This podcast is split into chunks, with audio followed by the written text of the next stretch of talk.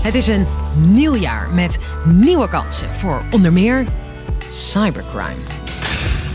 We zijn gewaarschuwd, zoals bijvoorbeeld voor deze klassieker.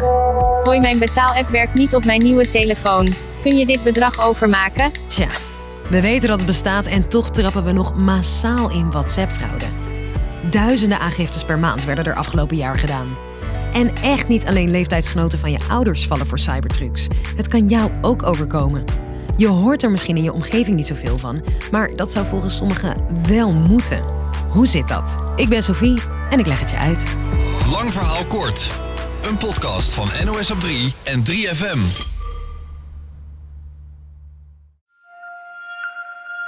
Er zijn natuurlijk talloze manieren waarop je online kan worden opgelicht. Je krijgt bijvoorbeeld een sms'je van de tussen aanhalingstekens GGD of van een postbedrijf met daarin een neppe track-and-trace link voor een pakketje.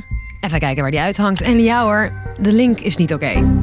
En natuurlijk die bekende WhatsApp-fraude, waar we ook wel eens om moeten gniffelen. Hoi pap, mijn telefoon is kapot. Kun je me uit de brand helpen? Maar het kan snel gaan. Zoals bij deze dochter. Haar vader ging haar helpen bij het kopen van een huis, dus ze hadden het over geld gehad. En haar telefoon was toevallig ook echt stuk.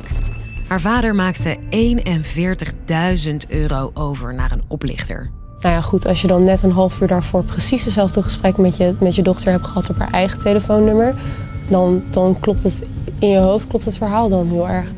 Er worden nog steeds veel mensen slachtoffer van WhatsApp-fraude. Want die fraudeurs worden steeds inventiever. Ze schieten niet alleen met hagel en vangen zo vooral oudere mensen, maar komen steeds vaker met een heel achtergrondverhaal dat lijkt te kloppen. Stel, jij zet je bank op marktplaats, telefoonnummertje en je naam erbij, en een oplichter ziet dat. Checkt vervolgens je Facebook en je Insta. Daar waarschuwde de fraude helpdesk eerder ook al voor. Wat je vooral ziet is dat die oplichters heel goed hun huiswerk doen. Dus ze gaan op het internet ook echt kijken van... hey, hoe uh, communiceren mensen nou met elkaar? Emoticons worden gebruikt en dat wordt gewoon overgenomen. En ze sturen je vervolgens vanuit de naam van je vrienden of familieleden een bericht... met de welbekende vraag of je even geld kan overmaken. Dat geld komt vaak niet direct op de rekening van de oplichter terecht, want dan is hij wel heel snel ontmaskerd. Daarvoor gebruiken ze vaak zogeheten katvangers of geldezels. Je hoort een opgelichte man over de eigenaar van het rekeningnummer waar hij geld aan overmaakte. Het was een 14-jarige jongen die op het schoolplein was benaderd door uh, degene die dan daadwerkelijk achter de appjes zit. Die jongeren worden daar of op Insta geronseld door criminelen. Je ziet die comments wel eens, toch? Wil je even snel geld verdienen? DM. Het enige wat je hoeft te doen is je rekeningnummer beschikbaar te stellen en vervolgens dat geld aan de oplichter te geven. En zelf mag je dan ook nog wat houden. Het effect van deze golf aan oplichtingen wordt onderschat, zegt Slachtofferhulp Nederland. Want de schade is vaak niet alleen financieel. Slachtoffers schamen zich, zoals die man die je net hoorde, die notabene in ICT werkte. Aangetast in mijn eigen waarde. Ja. je bent, uh, ja, je was professional.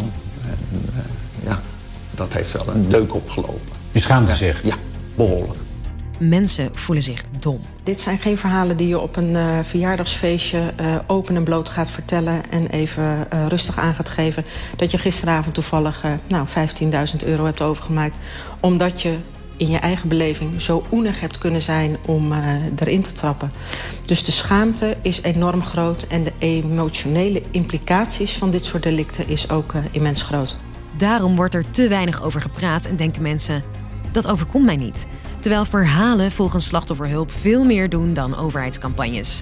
En extra wrang voor de slachtoffers. De pakkans is heel klein, dus het is, het, omdat het op zo'n grote schaal gebeurt... is het voor de politie bijna niet te doen om te achterhalen wie daarachter zit. Oplichters gebruiken vaak ontraceerbare prepaid-telefoonkaarten...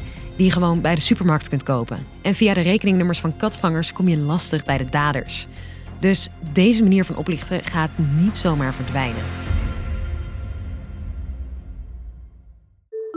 En daarom een reminder voor het nieuwe jaar. En ik hoor je denken: ja, weet ik. Maar bel of app met je eigen nummer je ouders nog een keer en denk zelf aan deze concrete tips.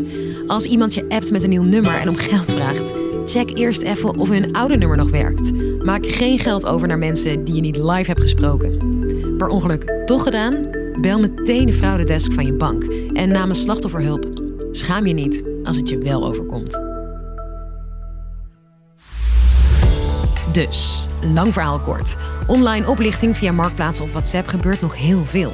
Hoeveel? Dat weet niemand precies, omdat lang niet iedereen aangifte doet. Slachtoffers hebben behalve een financiële optater ook vaak last van schaamte. Maar het kan iedereen overkomen omdat oplichters heel vernuftig steeds weer nieuwe manieren verzinnen om je bankrekening leeg te trekken. Morgen rond de klok van 5 zijn we er weer, net als elke werkdag. Voor nu bedankt voor het luisteren en tot morgen.